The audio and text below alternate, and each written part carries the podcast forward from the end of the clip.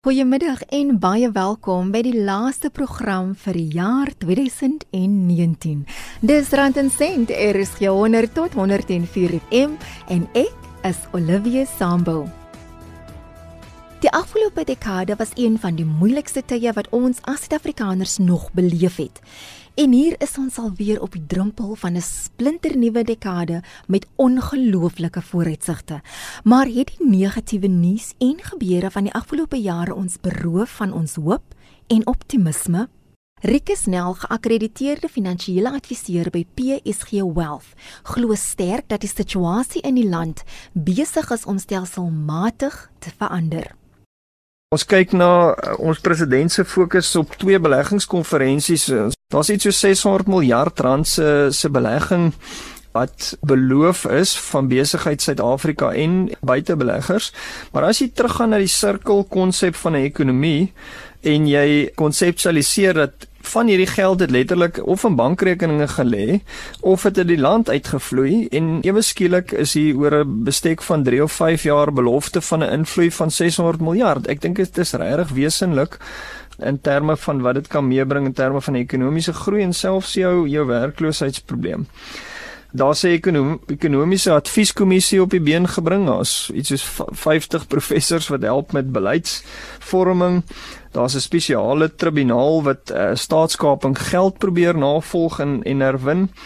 Suid-Afrika is onlangs het ons sewe plekke op die kompetitiwheidsranglys in die wêreld. Praat van die competitiveness index het ons sewe plekke verbeter. Ons is bo Indië op op die stadium.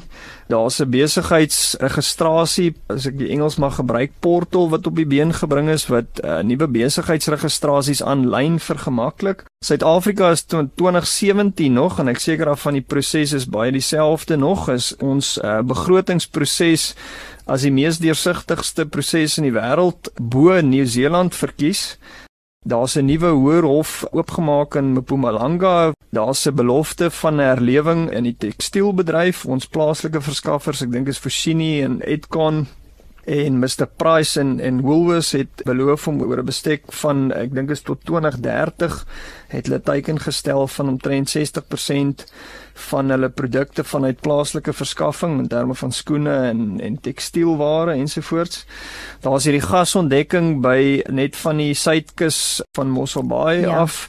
Rolpada is sy doopnaam.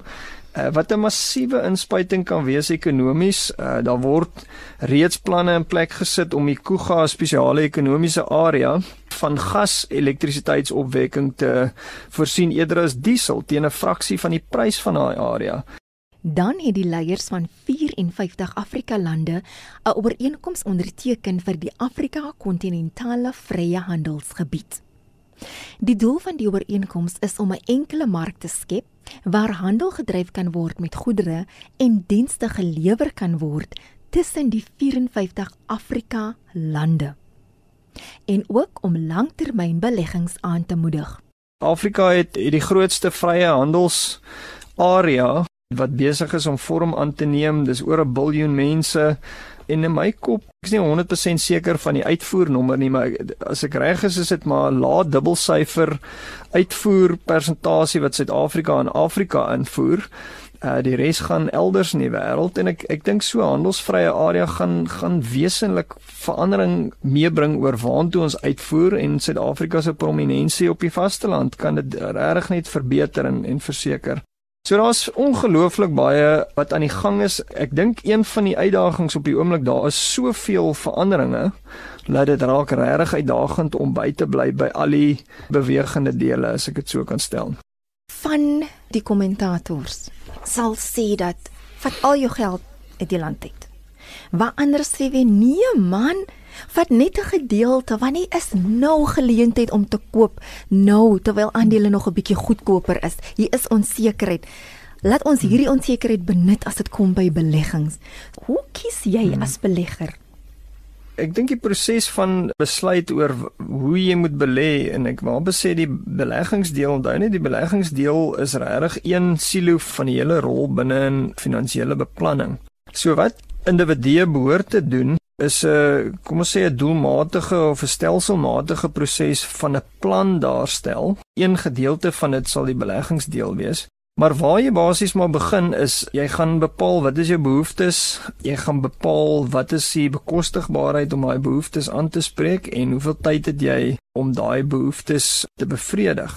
Wanneer jy daai doelstellings daar gestel het, kan jy uh, 'n uh, plan met iemand se hulp, kom ons sê, uh, bymekaar maak Die plan behoort dieselfde te bly solank as wat die doelstellings dieselfde is. Nou, ek gaan dit nou terugbring na die Suid-Afrikaanse konteks en en buiteland. So, maar wat belangrik is om te beklemtoon is die plan wat iemand bymekaar sit.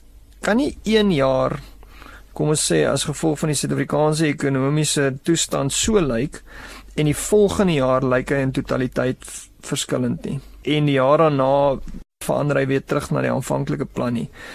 Individue is is regtig genoodsaak om 'n langtermynplan daar te gaan sit. Volgens daai plan, soos ek sê, die doelstellings te bepaal, die plan te identifiseer, hoe hulle dit gaan doen en by die plan te hou solank as wat die doelstellings dieselfde is. Kom ons sê periodiek kan 'n mens die doelstellings hersien en bepaal of dit nog dieselfde is of nie en natuurlik gaan mense die resultate van jou plan teenoor daai doelstellings gaan jy meet en jy gaan dit evalueer en kyk of dit nog die beste plan is. Rikus Nel waarsku ook dat beleggers moet egter sterk daarteen waak om nie hulle langtermynplan te verander na gelang die nuusgebeure of ekonomiese prestasies van beleggings nie.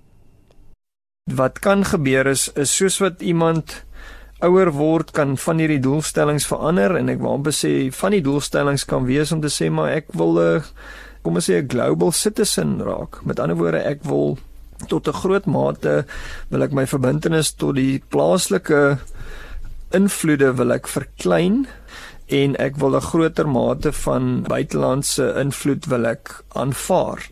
En dan moet 'n mens net besef dat so 'n plan het ook sekere implikasies wat by tye ongemaklik gaan wees, maar dan is dit nodig om by daai plan te bly.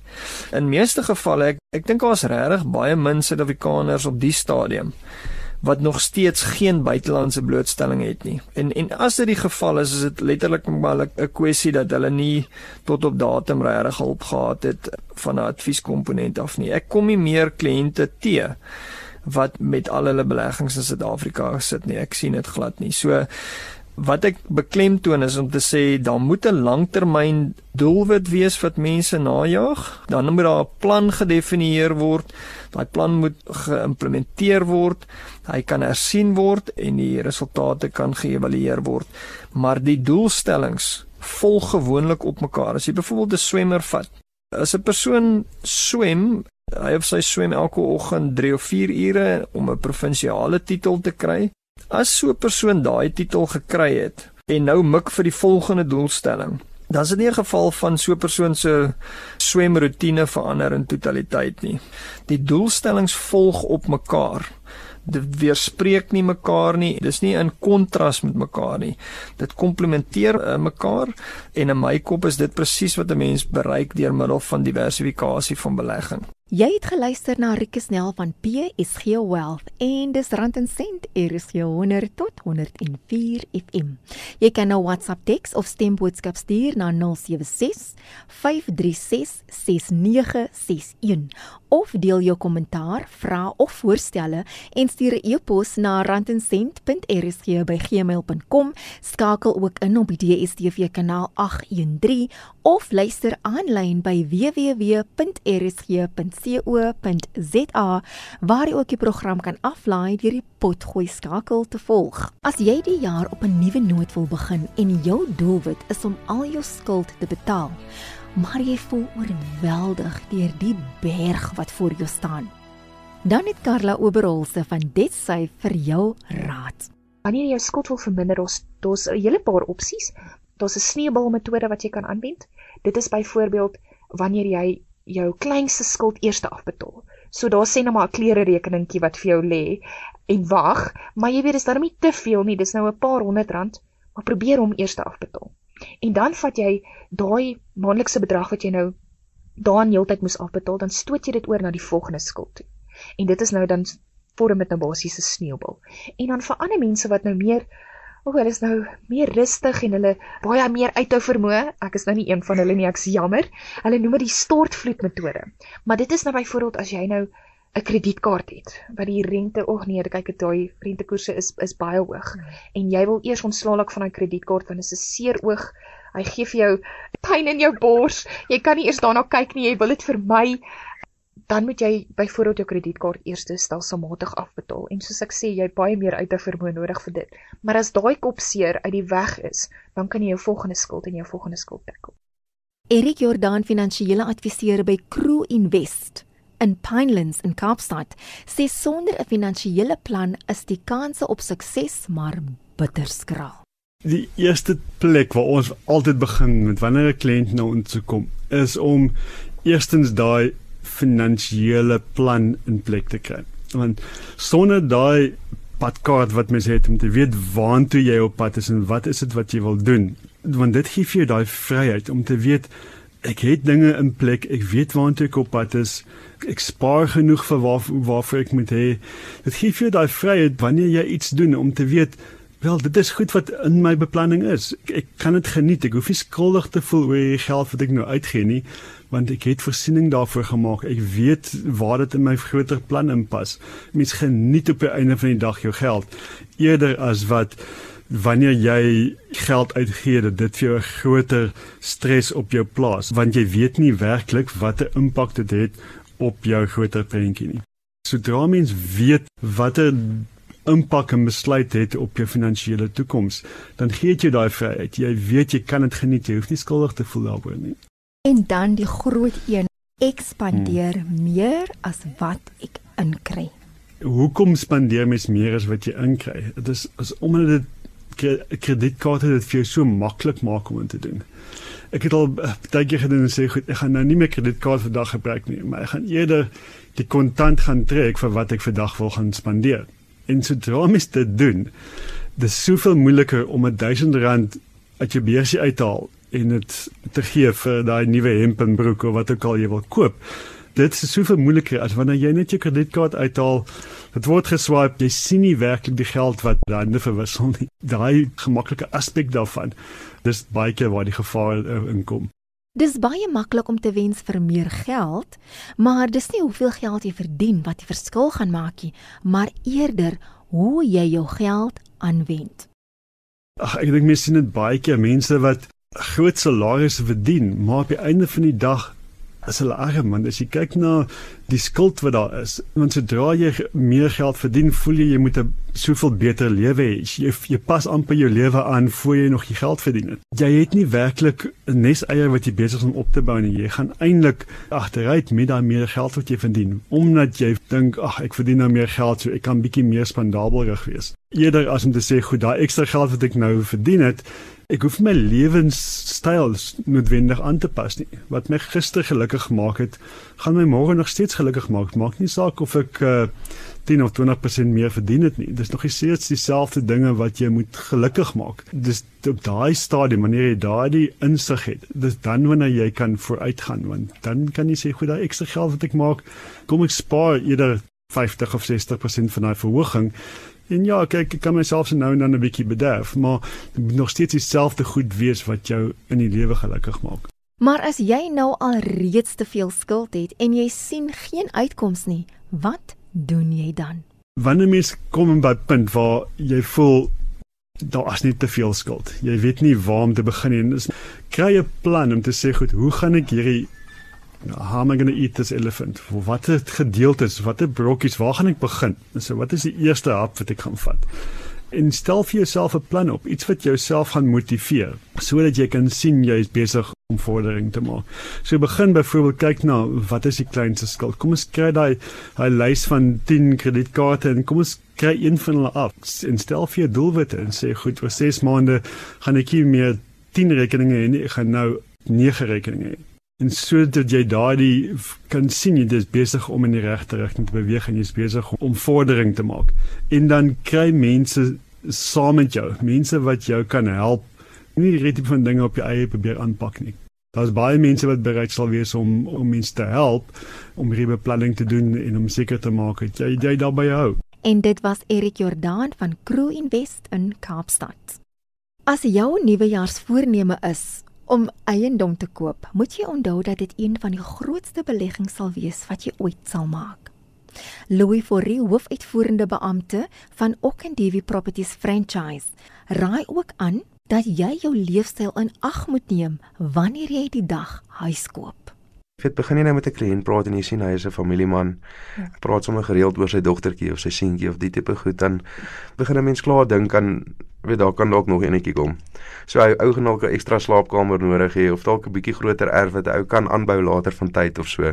So ek dink ehm um, baie belangrik dat 'n mens maar na jou na jou kliënt luister. Jy weet, baie agente is, is so geneig om net te probeer om 'n eiendom aan hulle te verkoop. Hulle vergeet om vir hulle kliënte te luister. So ek dink 'n mens moet maar luister na benodighede van jou kliënte. Ons noem dit uh, by Okandivi 'n needs analysis. So die belangrikste ding wat ons na moet kyk is eerstens wat het hy nodig en dan daarna kyk ons na wat hy wil hê. En as jy nou genoeg geld het om jou droomvoertuig kontant te koop, maar dis ook genoeg om 'n klein huis te koop, dan het Louis die woorde van advies as jy wonder watter belegging die beste opbrengste sal bring. Ek sit nou die dag met iemand uit 'n bakkie gekoop kontant vir 700 000 rand. En ek sê toe vir my Piet, ek ja. dink jy het 'n fout gemaak. Jy weet, hy sê toe vir my hoekom? Toe sê ek vir my daai 700 000 rand kon ek nou vir jou 'n bakkie gekoop het vir die res van jou lewe. Hy sê vir my Louis, ek verstaan nou nie lekker nie. Hoe gaan jy met 700 000 rand vir die volgende 50 jaar vir my 'n bakkie koop? Ek sê toe hom, "Vat jy nou daai 700 000 rand en jy gaan koop dalk nou vir jou 'n drie slaapkamer meentuis kontant." En jy vir hier om uit vir kom ons sê 9.500 rand 'n maand. Kom ons maak dit 10000 rand 'n maand. Dan het jy mos nou 10000 rand 'n maand om die res van jou lewe op 'n verband te betaal met 'n kar. So hoekom wil jy nou 'n kar kontant gaan koop as jy eerder eiendom kontant kan verkoop en daai huurinkomste gebruik om 'n kar te finansier vir die res van jou lewe. Weet ou Piet was stom geslaan toe ek dit vir hom sê. 'n Mens dink nie aan hierdie tipe goed nie, jy weet maar dit is regtig hoe baie eiendom vir jou kan beteken as 'n belegging. Dit was Louis Fourie van Okandivi Properties Franchise. Walter van der Merwe, hoofuitvoerende beampte van Vet Group Life, moedig ook sterk aan dat jy 'n finansiële adviseur moet gaan sien as jy jou finansiële doelwitte wil bereik. Wanneer jy siek is, weet jy tog jy siek. Ja. So jy wil gesond word want jy jy voel beter oor jouself en jy is in staat om beter dinge te doen. So jou finansiële gesondheid is dieselfde. As 'n mens daai vergelyking maak, jy kyk tog na jouself en jy wil seker maak dat jy gesond is om gelukkig te kan leef is dit dieselfde logika wat toegepas word op jou finansiële gesondheid. So dit is 'n manier om oor daai emosionele impak te kom om te sê kyk, ek moet iemand vertrou, soos wat jy 'n dokter vertrou met jou gesondheid, 'n finansiële adviseur te vertrou met my finansiële gesondheid. So ek moet alles blootstel. Ek moet vir hierdie persoon alles vertel weet al die was goed was om om in staat te wees om weer my finansiële gesondheid op te bou. So dit is 'n manier om daarbey verby te kom. Die realiteit van die lewe is soveel as wat ons leer en lees en verstaan, is daar mense wat spesialiseer in sekere velde. Ek sê adviseer is een van die beste dinge wat jy kan doen. Want hulle het gespesialiseer in wat hulle doen. Dit is soos 'n mediese dokter as jy daarna 'n vergelyking wil maak. Met ander woorde, hulle weet presies van hoe die dinge werk en alles wat nodig is om te verstaan om die beste oplossing vir jou te vind. So hulle vra die regte vrae. Jy's in staat om hulle die regte inligting te gee om jou situasie spesifiek te kan verstaan. En kyk, elkeen se situasie is tog verskillend. Ons is ja. nie almal dieselfde nie. En dit is absoluut die beste manier om produkte uit te neem en goeie ervarings te hê en goeie geld te verdien met die beleggings wat ons maak. En so gesels Wolte van der Merwe van Vet Group Life. Ek het ook gesels met Erik Jordan van Crew Invest in Kaapstad, Karla Oberholse van Debt Save in Pretoria en Rikus Nel van PSG Wealth in Kaapstad. Ek groet tot volgende jaar. Geniet die laaste paar dae van 2019. Totsiens van my Olivia Sambo hier op Rand en Sent. Er is 100 tot 104 FM.